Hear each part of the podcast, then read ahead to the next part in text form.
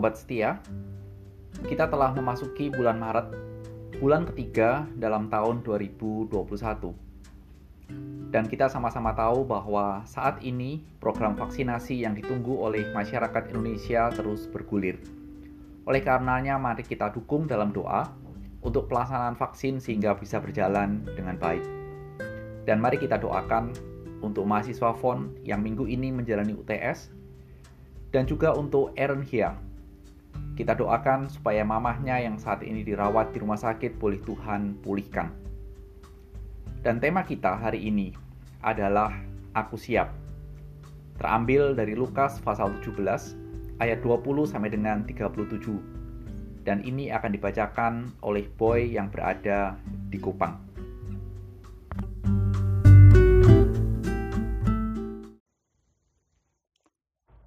Lukas 17 ayatnya yang ke 20 hingga ayatnya yang ke-37.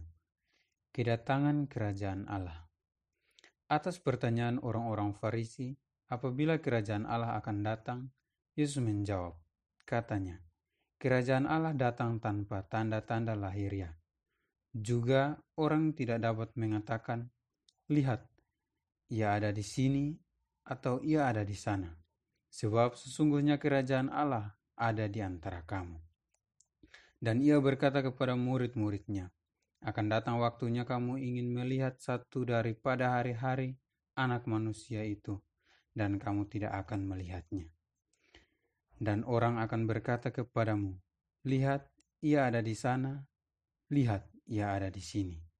Jangan kamu pergi ke situ, jangan kamu ikut. Sebab sama seperti kilat memancar dari ujung langit yang satu ke ujung langit yang lain Demikian pula lah kelak halnya anak manusia pada hari kedatangannya. Tetapi ia harus menanggung banyak penderitaan dahulu dan ditolak oleh angkatan ini. Dan sama seperti terjadi pada zaman Nuh, demikian pula lah halnya kelak pada hari-hari anak manusia. Mereka makan dan minum, mereka kawin dan dikawinkan, sampai kepada hari Nuh masuk ke dalam bahtera. Lalu datanglah air bah dan membinasakan mereka semua. Demikian juga seperti yang terjadi di zaman Lot. Mereka makan dan minum, mereka membeli dan menjual, mereka menanam dan membangun. Tetapi pada hari Lot pergi keluar dari Sodom, turunlah hujan api dan hujan belerang dari langit dan membinasakan mereka semua. Demikianlah halnya kelak pada hari di mana anak manusia menyatakan dirinya. Barang siapa pada hari itu sedang di peranginan, di atas rumah, dan barang-barangnya ada di dalam rumah, janganlah ia turun untuk mengambilnya. Dan demikian juga orang yang sedang di ladang, janganlah ia kembali. Ingatlah akan istri Lot. Barang siapa berusaha memelihara nyawanya, ia akan kehilangan nyawanya. Dan barang siapa kehilangan nyawanya, ia akan menyelamatkannya. Aku berkata kepadamu, pada malam itu ada dua orang di atas satu tempat tidur, yang seorang akan dibawa dan yang lain akan ditinggalkan. Ada dua orang perempuan bersama-sama menghilang, yang seorang akan dibawa dan yang lain akan ditinggalkan. Kalau ada dua orang di ladang, yang seorang akan dibawa dan yang lain akan ditinggalkan. Kata mereka kepada Yesus, "Di mana Tuhan?" Katanya kepada mereka, di mana ada mayat, di situ berkerumunan burung nasar.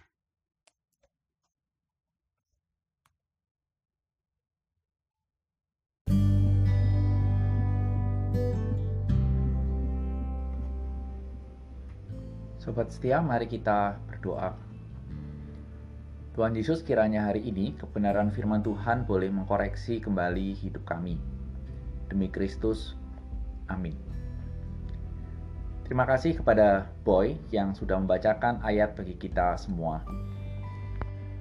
Sobat setia, di tahun 1990-an, banyak orang Kristen yang mempercayai bahwa 10 tahun kemudian, yaitu tahun 2000, akan terjadi kiamat, di mana Kristus akan datang kedua kalinya atau kerajaan Allah akan dinyatakan dengan sempurna prediksi atau kepercayaan itu diperkuat dengan sistem yang mengatakan bahwa tahun 2000 seluruh komputer akan crash. Sistem komputer tidak mampu untuk melewati tahun 2000. Itu isu rumor yang menguatkan. Dan selain itu juga muncul penyakit AIDS yang saat itu menjadi penyakit yang menakutkan sehingga bisa disimpulkan itu menjadi sebuah indikasi bahwa dunia akan kiamat. Kalau kita berpikir mengapa orang memiliki pemikiran seperti itu karena sedikit banyak orang memikirkan bahwa kembalinya kerajaan Allah pasti akan ada tanda-tandanya. Dan saat ini pun di tengah-tengah pandemi COVID-19 menyeruak atau ada beberapa orang kelompok yang mengatakan bahwa ini pun tanda-tanda kerajaan Allah sudah dekat. Siap-siap, akhir zaman sudah dekat. Memang menjadi satu hal yang menarik untuk dibahas dan dipahami ketika topik akhir zaman menjadi sebuah bahasan. Apa yang menarik menjadi bahasan tentang kerajaan Allah dan apa yang sebenarnya menjadi ajaran dari Tuhan Yesus berkaitan dengan kerajaan Allah. Perhatikan bagian yang akan kita renungkan. Ayat 20 dan 21, Tuhan Yesus menunjukkan bahwa kedatangan kerajaan Allah itu disebut tanpa tanda-tanda dan sudah sudah ada di antara mereka. Kalau kita berusaha untuk memahami hal ini, maka kita perlu melihat dari kacamata bahwa Tuhan Yesus menunjukkan kepada kedatangan awal Kristus sebagai Mesias yang dijanjikan Allah. Yaitu kapan? Mulai dari kelahiran sampai pada saat itu Kristus hadir. Itulah fase yang pertama. Tapi hal ini tidak dimengerti oleh orang Farisi. Karena Tuhan Yesus pada saat itu dikenal sebagai anak tukang kayu. Dan bagi orang Farisi bagaimana mungkin anak tukang kayu bisa menjadi Mesias? Sehingga bila menunjuk kepada kehadiran awal Tuhan Yesus dalam dunia, maka pertanyaan penting saat ini adalah apakah kita yang hari ini merenungkan firman Tuhan sudah menerima Kristus sebagai Tuhan dan Juru Selamat. Dan dengan demikian, dapat dikatakan bahwa kita bisa hidup dalam kerajaannya. Sobat setia, setelah kita menjadi anggota kerajaan Allah, maka selanjutnya kita harus memperhatikan Tuhan Yesus memberikan beberapa hal untuk kita perhatikan sebagai pribadi yang menjadi anggota kerajaan Allah. Apa yang perlu kita perhatikan? Yang pertama adalah perhatikan pertanyaan dari murid-murid. Saat itu murid-murid bertanya, kapan kerajaan Allah itu akan tiba? Hal ini sering kali kita latar belakangi dengan sebuah pemikiran kalau Tuhan Yesus datang menegakkan kerajaan Allah sekarang juga, maka kekacauan dan kejahatan seperti yang sering kali kita dengar soal korupsi, dan lain-lainnya akan segera diakhiri, berakhir. Ibaratnya semua kejahatan selesai dan semua akan berjalan sempurna. Tetapi kita mesti menyadari bahwa sampai saat ini kita harus bertahan dengan sabar saat kita menunggu dengan harapan kedatangan Kristus. Petrus mengingatkan kita bahwa sementara kita menunggu, para pencemooh itu akan datang dan mengatakan atau memberitahukan hidup mereka mengikuti hawa nafsu mereka dan berkata, "Di manakah janji tentang kedatangan Kristus?" Karena sejak nenek moyang kita, nenek moyang mereka, semua terus berjalan seperti sejak awal penciptaan. Tetapi kita lihat bahwa di dalam 2 Petrus 3, 3-10 juga dikatakan bahwa ejekan mereka tidak meniadakan sebuah fakta atau janji bahwa Kristus akan datang menghakimi bumi. Sehingga ketika kita tanya kapan, kita melihat kita hidup di tengah-tengah dunia yang penuh dengan segala kebobrokan. Dan tentunya hal ini lanjut ke dalam poin yang kedua, bahwa ketika kita menantikan kedatangan Kristus yang kedua, ketekunanlah yang menjadi penegasan dari Kristus bahwa fase kedua dari kerajaan Allah itu nanti datang akan seperti kilat. Jadi perhatikan, Tuhan menuntut ketekunan kita dan pada saat fase kedua kerajaan Allah itu datang digambarkan seperti kilat.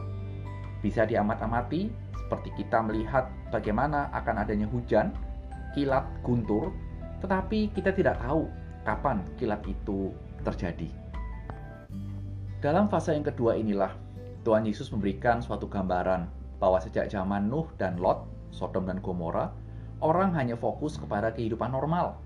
Makan, minum, kawin, mawin, jual, beli, dan berpikir bahwa kerajaan Allah tak akan terjadi dalam waktu dekat atau tidak peduli, bahkan tidak peduli dengan yang namanya kekekalan. Tapi suatu hari, anak manusia tiba-tiba akan dinyatakan dalam kuasa dan kemuliaan. Itulah kerajaan Allah. Dan orang-orang yang tidak peduli itu akan dihancurkan oleh penghakiman Tuhan. Satu hal lagi yang lebih menarik adalah ternyata ketika Tuhan Yesus datang dalam kemuliaan dan kuasanya, bisa jadi kedatangan kerajaan Allah juga tidak lebih menarik atau membuat orang yakin bahwa itu adalah yang terpenting bagi hidupnya. Lihat sobat setia, istri Lot yang melanggar perintah daripada malaikat dan menoleh ke belakang langsung mati secara mengerikan menjadi tiang garam. Sedikit bertanya, mengapa istri Lot menoleh ke belakang? Kira-kira di situlah semua harta bendanya yang hancur di dalam Sodom dan Gomora. Sobat setia, tidak ada yang lebih penting daripada seseorang lebih mementingkan kehidupan kekal daripada kehidupan di dunia ini. Ingat cerita dari orang kaya dan Lazarus yang porokan. Paling tidak itu bisa menggambarkan satu hal yang sangat penting yaitu hidup kekal. Sobat setia topik kedatangan Tuhan Yesus selalu menjadi topik viral sampai dengan saat ini. Dan masih banyak orang yang sibuk atau fokus kepada tanda-tanda yang diduga menjadi tanda-tanda fenomena kedatangan Tuhan yang kedua. Namun setelah kita belajar dan merenung bersama, fokus utama dalam perikop ini bukanlah menemukan tanda-tanda kedatangan kerajaan Allah. Tapi, apakah ketika kedatangan Tuhan Yesus dalam kemegahan dan kemuliaannya itu terjadi tiba-tiba, seketika, kita sudah siap untuk menyambutnya. Itulah yang menjadi penekanan dan itulah yang menjadi fokusnya. Sehingga bagaimana hidup kita saat ini. Kiranya saat ini kita tidak hanya menyiapkan diri kita untuk menapaki masa depan yang lebih cerah lagi, tapi biarlah kita juga berkata, Tuhan, aku siap menyambut kehadiran yang kedua kalinya sebagai Tuhan dan Raja. Amin.